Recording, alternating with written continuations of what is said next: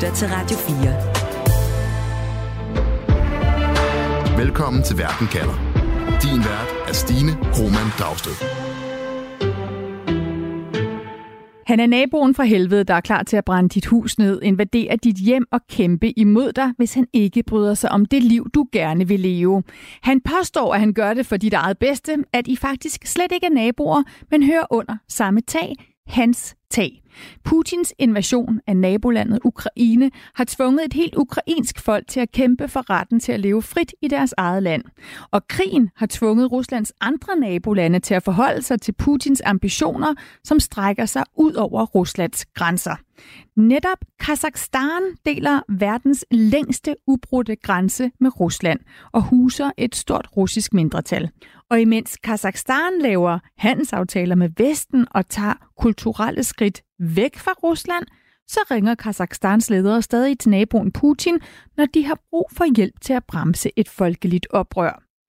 Hvilken vej den balanceakt tipper handler verden kalder om i dag? Og jeg spørger, udnytter Kazakhstan Putins krig i Ukraine til selv at slippe ud af hans magtgreb?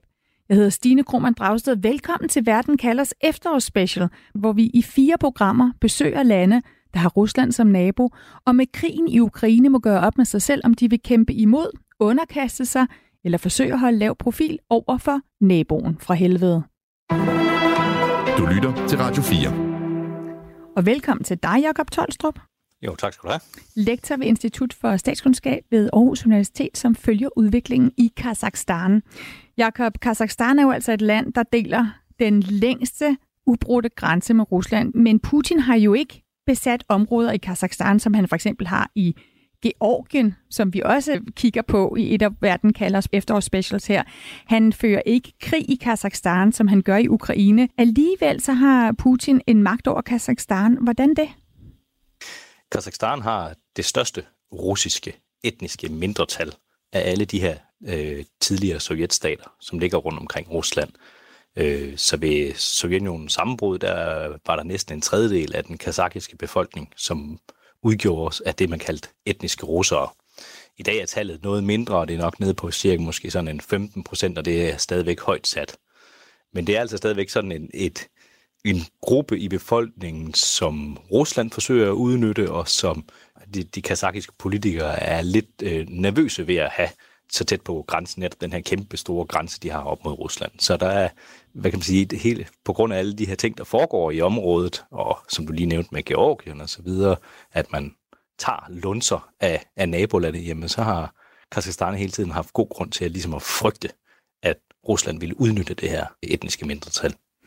Og Jakob, Kazakhstan er jo ikke sådan et land, vi taler meget om herhjemme, selvom vi jo i høj grad har øjnene rettet imod, hvad Putins ambitioner og næste træk ellers er. Vi taler meget om Ukraine, også om Belarus, også om Georgien. Mm.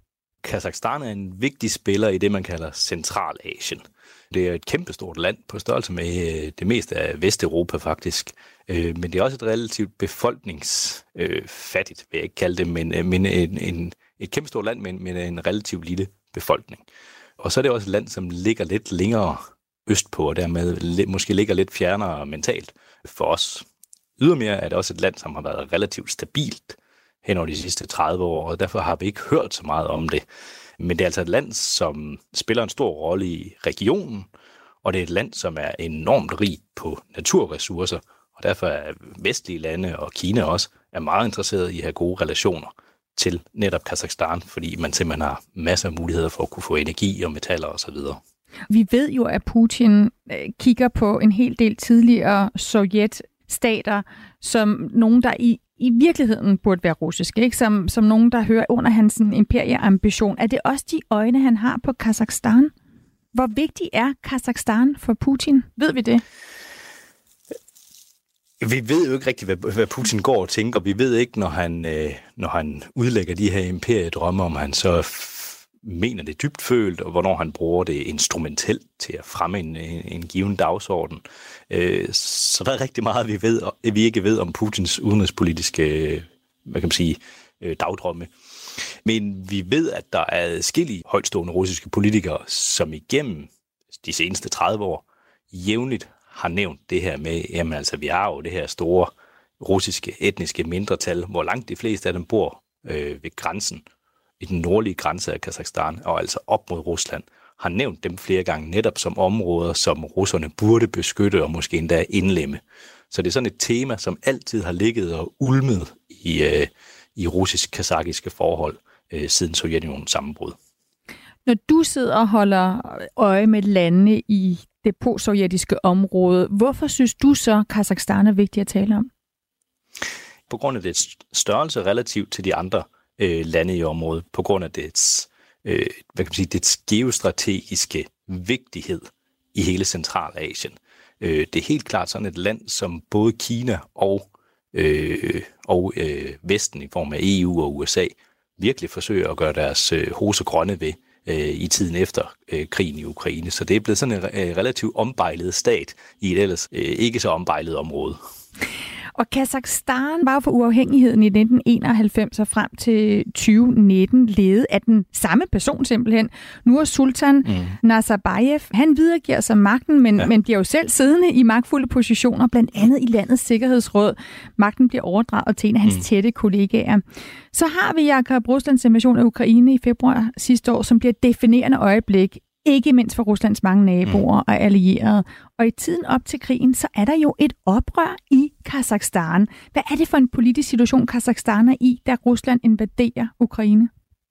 Ja, så er vi i sådan en transitionsfase fra en leder, som har siddet på magten i næsten 30 år, til en anden leder, og det er hans, hans, hans tætte allierede. Længe der, der var der faktisk spekulationer i, at uh, Nazarbayev, altså den tidligere præsident, ville overgive magten til sin egen datter, Dariga Nazarbayeva, som også har spillet en stor politisk rolle i, i en hel del år. Så det er simpelthen usikkert, om han ville videregive magten til egen familiemedlemmer eller til en nær allieret. Han valgte så det sidste, og forblev så selv sådan lidt ved rorpinden i forskellige institutioner i forsøget på stadigvæk at kunne kontrollere Kazakis politik, efter han var trådt tilbage. Så han forsøgte sådan delvis tilbagetræde. Det vi så så i øh, lige inden Rusland angreb faktisk i januar 2022, det var, at vi så et meget stort folkeligt oprør i Kazakhstan. Og det, øh, der var øh, udslagsgivende, jamen det var de her stigende udgifter til almindelige fødevarer, stigende udgifter til, til energi og så videre, som slog meget hårdt på pengepunkten på almindelige kazakker. Ydermere så var det også et, en lede ved korruption, kan man sige, og dårlig regeringsførelse, som simpelthen førte til et folkeligt oprør, som sandsynligvis, synes der var en hel del indikationer på, som sandsynligvis også faktisk var, blev pustet ekstra til af nogle af Nazarbayevs egne folk. Så folk, der vil forblive stærke, som man forsøgte simpelthen at udfordre Tokajevs magt. Måske. Mm. det er stadigvæk lidt usikkert, hvad det præcist er, der foregik. Men i hvert fald så var der et folkeligt oprør, og Tokajev, den nye præsident, stod altså med udfordringen i forhold til, jamen hvad skal man gøre ved det her voksende oprørstendenser, hvor vi så faktisk, at demonstranter de belejrede regeringskontorer i, i store byer og hvad hedder det, indtog partikontorer i forskellige store byer. Så det var, det var faktisk ret voldsomt, og det var ret troende for Tokajevs magt. Og det, der så sker, jamen det er, at han ender med faktisk at øh, gribe knoglen og ringe til sin nabo Putin, som så sender tropper til Kazakhstan og dermed signalerer, at Rusland støtter op om den siddende præsident Tokayev. På meget kort tid så får man slået det her oprør ned. Der bliver lukket for internettet. Vi ved relativt lidt om, hvad der reelt foregår, men det går hårdt for sig. Masser af demonstranter bliver slået ihjel, bliver fængslet, og efterfølgende, da Tokayev så har fået styr på det problem, jamen så begynder han at gå. Så udnytter han den her situation til at gå efter alle Nazarbayevs folk rundt omkring i regimet. Mm. Så folk i sikkerhedsapparatet, som har stærk tilknytning til Nazarbayev, de bliver skiftet ud med nogen, der er lojale over for Tokayev i stedet for. Og således også i det regeringspartiet, øh, det dominante parti, jamen der får vi også udskiftninger i hele, hele store dele af statsapparatet. Så Tokayev udnytter den her situation, og det, at det lykkes ham at slå ned på oprøret, til ligesom at komme af med sin næster, med Nazarbayev og alle hans folk, og gribe magten og koncentrere den på sine egne hænder i stedet for. Så vi har både et folkeligt oprør, hvor der er pro-demokratiske kræfter, og så har vi en intern strid mellem to magthavere, som, som bliver udnyttet her, og Putin, naboen, som der bliver ringet til, der, der sætter ind. Lad os lige, du, du siger, altså det er svært at vide så meget om det her øh, oprør. Vi har fået fat på en af de demokratiforkæmpere, som gik på gaden og kæmpede for politiske forandringer og reformer, og oplevede, hvordan protesterne blev slået ned af styret selv og ved hjælp af Putins tropper. Du lytter til Verden kalder på Radio 4. Han hedder Dimash Alshanov, og han er 39 år og bor stadig i Kazakhstan. Og Dimash er født få år før Kazakhstan bliver uafhængig i 1991, så han har aldrig oplevet et demokratisk magtskifte i landet. Basically, I'm involved in political process here in Kazakhstan. I'm uh, supporting and promoting the idea of political change, political reforms. Ja, Dimas har været med til at skabe bevægelsen Wake Up Kazakhstan, hvis mål det er at øge den politiske bevidsthed i landet. At få den unge befolkning til at indse, at de lever i et land, hvor magthaverne ikke tillader kritik og opposition. Et land, hvor folket mangler et alternativ til et undertrykkende styre. The political opposition is illegal. We don't have registered political uh, opposition parties here in Kazakhstan. So all parties represented in the political landscape. Are pro-government parties. Men da høje benzinpriser skaber stor vrede i befolkningen i Kazakhstan, der øjner Dimash og den demokratiske protestbevægelse en mulighed for at støtte et større folkeligt oprør. The oilers started to protest in the uh, west part of the country. And uh, we uh, here in Almaty also decided to support and go on, out on the streets uh, in solidarity with them. So, and it turned out as a big protest uh, because the other cities started to support it, this protest uh, also. Protesterne breder sig til flere dele af landet, og Dimash oplever for første gang store protester i Kazakhstans største byer. Utilfredsheden, den stiger simpelthen. Nu handler det ikke længere kun om benzinpriserne, men også om levevilkår og om landets ledelse. By the 4th of January in Almaty, it was first time in our history. I think that around uh, 20-25,000 people went to the streets. For første gang er 25.000 mennesker på gaden i Kazakhstans største by. Og Kazakhstans styre indser, at de står over for et alvorligt problem at magthaverne er.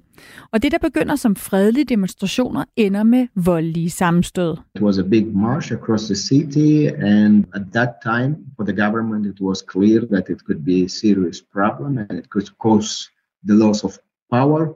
So they decided to act and at some point infiltrate their own people into the protesters, among the protesters, and escalate the protest, turned from the peaceful to the uh, violent one.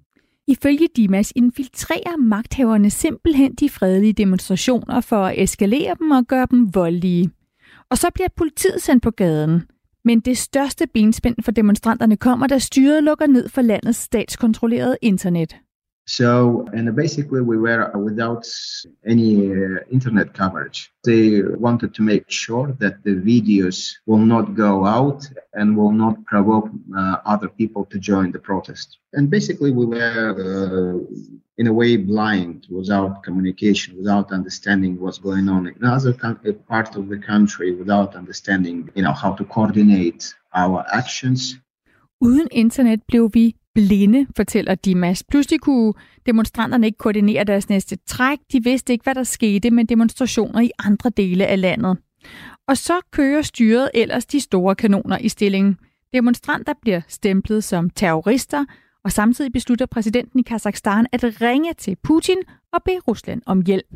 Our president Tokayev going uh, online uh, with a stream on national TV channels saying that the uh, group of terrorists attacked the country, and he triggers the uh, fourth or the sixth uh, article of the agreement of the CSTO and calling the Russian troops for the help.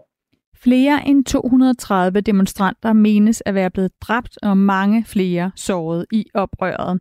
Et oprør, som der bliver sat en endelig stopper for, da Putins tropper går ind i Kazakhstan for at hjælpe den pressede præsident. Det præsidenten kalder et kupforsøg, og det som dele af befolkningen kalder et ønske om demokrati, bliver bremset. og protesterne bliver ikke begyndelsen på den forandring, Dimash Altanov håbede på. Unfortunately now, the shock uh, that was made by the society, by the protest, wasn't um, strong enough to shake the, uh, the, the foundations of a political regime. Jakob Tolstrup, du har lyttet med her til, til Dimash' beretning, som jo altså konkluderer, at det mm. lykkedes ikke. Altså den her, det her håb om forandring, om reformer, om demokrati, det, de står ikke stærkt nok. Hvad er det, der gør, at den nye præsident, at styret i landet vil gå så langt for at stå imod krav om demokrati? Det er et spørgsmål om, om magt, om uindskrænket indflydelse for Tokayev og de folk, som, som støtter op om ham. Og det er et spørgsmål om penge. For dem, der sidder på, på magten politisk, de tjener styrtende med penge, øh, og dem, der tjener styrtende med penge, de har mulighed for at yderligere koncentrere deres magt. Så som jeg sagde, øh, Kazakhstan er enormt rigt på øh, olie og olierelaterede produkter, og enormt rigt på øh, metaleksport. Og øh, dem, der sidder på magten i Kazakhstan, jamen, de styrer jo simpelthen de her eksportartikler her, og kan tjene svimlende summer. Så derfor så er, der, øh, så er der ret meget at vinde ved at være en, en ond diktator i Kazakhstan. Og derfor har man meget stort incitament til at slå vanvittigt hårdt ned på sådan nogle oprør. Lad os kigge på, hvad det betyder for fremtidens forhold mellem nabolandene Kazakhstan og Rusland. Radio 4. Ikke så forudsigende. Fordi på den ene side, så ringer Kazakhstans præsident, altså når han står med de her problemer med, med oprør, med folkelige protester, han ringer til Putin – når der er brug for hjælp til at stoppe den udfordring, der er imod hans magt. Men samtidig så beslutter Kazakhstans magthaver jo også, at øh, det russiske kyrilliske alfabet, som Kazakhstan bruger, at det skal skiftes ud med de latinske bogstaver, vi kender her i Vesten. Jakob Tolstrup, øh, det kan lyde som en mindre detalje, den her øh, ændring i alfabetet. Er det det? Nej, det er det ikke, fordi det er, det er identitetspolitik, det er signalpolitik. Så det er et signal om, at man bevæger sig ud af en russisk indflydelsessfære, som man har øh, været underlagt i ja, århundreder faktisk i Kazakhstans tilfælde. Så øh, vi ser det fra en masse af de her post-sovjetiske lande, at når de bevæger sig mere i retning af Vesten, når de forsøger at blive mere uafhængige, jamen så begynder de også at, at lægge mere og mere afstand til de der områder, hvor Rusland har haft indflydelse. For eksempel det sproglige, for eksempel i form af alfabetet. Øh, så på den måde, så, så er det et klart signal om, at Kazakhstan bevæger sig væk fra russisk indflydelsesfære. Er der andre strømninger i gang i Kazakhstan, som tyder på, at man gerne vil gøre sig mere uafhængig af sin store nabo? Ja, vi har også set uh, Tokayev, altså præsidenten i Kazakhstan, af flere omgange siden Rusland invaderede Ukraine, faktisk tage afstand for det og kritisere Rusland uh, flere gange. Vi har også, kan også se på, uh, på, på sådan nogle uh, holdningsundersøgelser i, i Kazakhstan, at der er flere og flere, der får et negativt syn på Rusland som følge af Ukrainekrisen. Så i den forstand, så har Tokayev en vis folkelig øh, rygdækning til at trække sig mere og mere væk fra Putin og mere og mere væk fra, fra Rusland generelt. Dermed ikke sagt, at man ved at løsrive sig fuldstændig og vil kappe alle bånd til, til Rusland. Det er slet ikke der, vi er. Men det er at gå fra at være en relativt nær allieret til måske at være en lidt mere distanceret allieret. Er det ligefrem en fordel for Tokayev, altså øh, Kazakhstans leder, at Putin invaderer Ukraine? Han har så travlt med sin invasionskrig. Ja, altså det har været øh, nærmest et drømmescenarie for Tokayev, tror jeg. Så Tokayev står i det her store problem lige inden Rusland invaderer Ukraine. Der er folkelige protester. Den tidligere magthaver folk synes at være interesseret i måske faktisk at vælte Tokayev og tage magten til dem selv. Så han er presset både af eliterne, og han er presset af befolkningen. Han får Putins hjælp til at slå oprøret ned, og øh, begynder derefter at udrense alle de folk, som har kontakter til Nazarbayev, for altså kunne tro hans magt internt i, i regimet. Men på det tidspunkt, så er han jo fuldstændig i lommen på Putin, ligesom præsident Lukashenko endte med at være fuldstændig i lommen på Putin, efter at han fik hjælp fra Rusland til at slå, øh, slå ned på oprøret efter præsidentvalget i 2020. Så det er meget den samme situation, vi faktisk befinder os i. Men det, der så er den store forskel her, det er så, at Putin blot halvanden måned senere vælger at gå ind i Ukraine, og vælger at gå ind i Ukraine og starte det, der bliver en katastrofal, udmarvende øh, krig for Rusland som slet ikke går, som han ønskede. Så Rusland får så travlt med at klare sig i Ukraine, at man ikke har tid eller ressourcer eller mulighed for faktisk at straffe Tokayev, når han bevæger sig i mere antirussisk retning. Så lige pludselig så får for, så, så den her mand, som øh, uh, Tokayev han stod i gæld til, han går fra at være en enormt stærkt dominant præsident i området, til at være en relativt svag præsident i området, som, hvor vi ser, at Rusland mister indflydelse i flere forskellige lande, senest også i Armenien, eksempelvis i forbindelse med den her Nagorno-Karabakh-krig, som vi har set. Så, så på den måde, så udnytter Tokayev Putins krig og Putins optagethed med Ukraine til at løsrive sig mere politisk fra sin store russiske nabo. Uden at risikere at blive straffet, fordi det har Putin og Rusland simpelthen ikke overskud og kræfter Ja. til. Ja, det, det der så også yderligere er et, er, er et produkt af krigen, det er jo også, at lande som Kina og lande som øh, USA og Europa bliver enormt interesseret i de her, eller yderligere enormt interesseret i de her nabolande til Rusland, fordi man meget gerne vil trække dem over på vores egen side. Man vil meget gerne have dem som allierede til som modvægt mod Rusland. Og derfor så bliver sådan et land som Kazakhstan, jamen det er en meget stor spiller i Centralasien, jamen det bliver lige pludselig et enormt attraktivt land. Så Kazakhstan får altså mulighed for at spille på flere heste, flere udenrigspolitiske heste. Så lige pludselig så hans udenrigspolitiske manøvrerum, jamen det er blevet langt større, end det var i øh, januar 2022, da folk øh, demonstrerede mod ham i gaderne i, i Kazakhstan. Og er der noget tegn på nu, hvor Kazakhstan med Tokayev ved magten prøver at komme ud af Ruslands indflydelsesfære, er det mere Kina, eller er det i højere grad Vesten, han kigger imod? Han kigger begge veje. Mm. Så han er meget interesseret i at få afsat noget russisk, øh, undskyld, noget kazakisk olie til, til Vesten, for det der er rigtig mange penge i. Han er også meget interesseret i at få øh, afsat selv samme til Kina, for det er der også gode penge i, og Kina har øh, enormt stor efterspørgsel.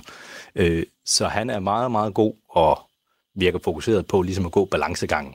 Gå balancegangen mellem både at holde sig på god fod med Vesten, og holde sig på god fod med Kina, og samtidig langsomt distancere sig fra Rusland uden fuldstændig at, at tire sin store nabo, hvilket også vil være at skyde sig selv i foden, når man har den her øh, lange, lange grænse op til, til Rusland. Du lytter til Radio 4. Og du lytter til Verden kalders efterårsspecial om Putins naboer, som i dag handler om Kazakhstan, og hvor jeg spørger, udnytter Kazakhstan Putins krig i Ukraine til selv at slippe ud af hans magtgreb? Jakob Tolstrup, hvad er din konklusion på det spørgsmål? Det er et meget klart ja. det gør han i høj grad. Tokayev han gør faktisk, ligesom langt de fleste andre postsovjetiske ledere på nuværende tidspunkt gør. De udnytter, at Rusland står i en svagere position til at forsøge at etablere udenrigspolitisk handlerum. Og det har Tokayev også været enormt god til faktisk at gøre i den her situation. Han er blevet stærkere. Han står pludselig med mange flere muligheder og et meget større handlerum. Demokratibevægelsen, som vi startede med, den, den protestbevægelse, som man pludselig skulle have hjælp fra Putin til at slå ned, er de tabere i det her? Ja, det er de i høj grad. Øhm, og øh, altså det vi kan se, det er et, en Tokayev, som er styrket voldsomt siden de her oprørstendenser, vi stå, så i starten af 2022. Så det er en langt stærkere diktator, vi har med at gøre i dag. Det er en diktator, som har fået styr på eliterne. Han har fået renset ud i dem, som var illoyale over for ham. Han har fået styrket sit regime, og samtidig så har han en hel masse udenrigspolitiske, store, stærke udenrigspolitiske aktører, som han kan øh, få støtte fra. Så øh, Vesten på nuværende tidspunkt, jamen det er ikke nogen, der kommer til at slå Tukayev voldsomt oven i hovedet, hvis han igen øh, må sende militæret øh, ud mod demonstranter. Så han har ret øh, stort spillerum, er min vurdering. Til gengæld kan han vel ikke ringe til Putin og bede om hjælp, hvis der er demonstranter på gaden? Nej, ikke på nuværende tidspunkt. Men jeg tror også, at Putins tropper var essentielle i forhold til at sikre, hvad kan man sige, tro, eller imødegå truslen fra eliterne på det tidspunkt. Mm.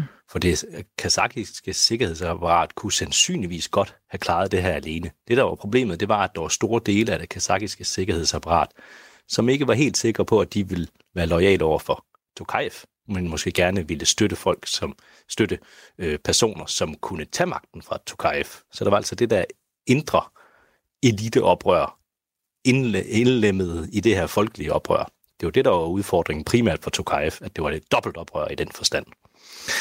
Så det som Putins øh, hvad er det, øh, signal ved at sende tropper til Kazakhstan, det var, at han signalerede, at jeg støtter op om den siddende præsident.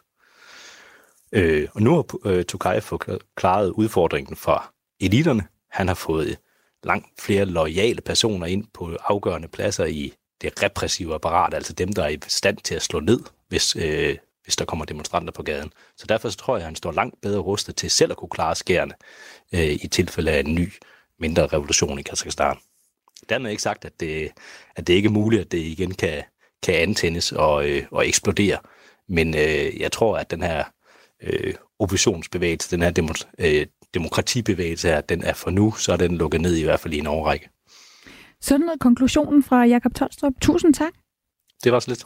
Jo, tak skal du have.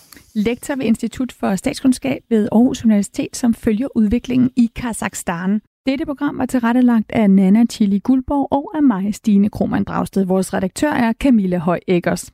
Du har lyttet til Verden kalders efter special om Putins naboer, hvor vi i hvert program dykker ned i et land, der må forholde sig til at være Ruslands naboland. I næste afsnit af serien tager vi til Finland, der i årtier har holdt sig neutrale, men som med det samme søgte mod NATO og væk fra Putin efter krigen i Ukraine startede. Husk, at du kan lytte til alle Verden Kalders programmer, lige når du vil på podcast. Og hvis du følger Verden Kalder, så får du altid de nyeste programmer, så snart de er klar. Du har lyttet til en podcast fra Radio 4.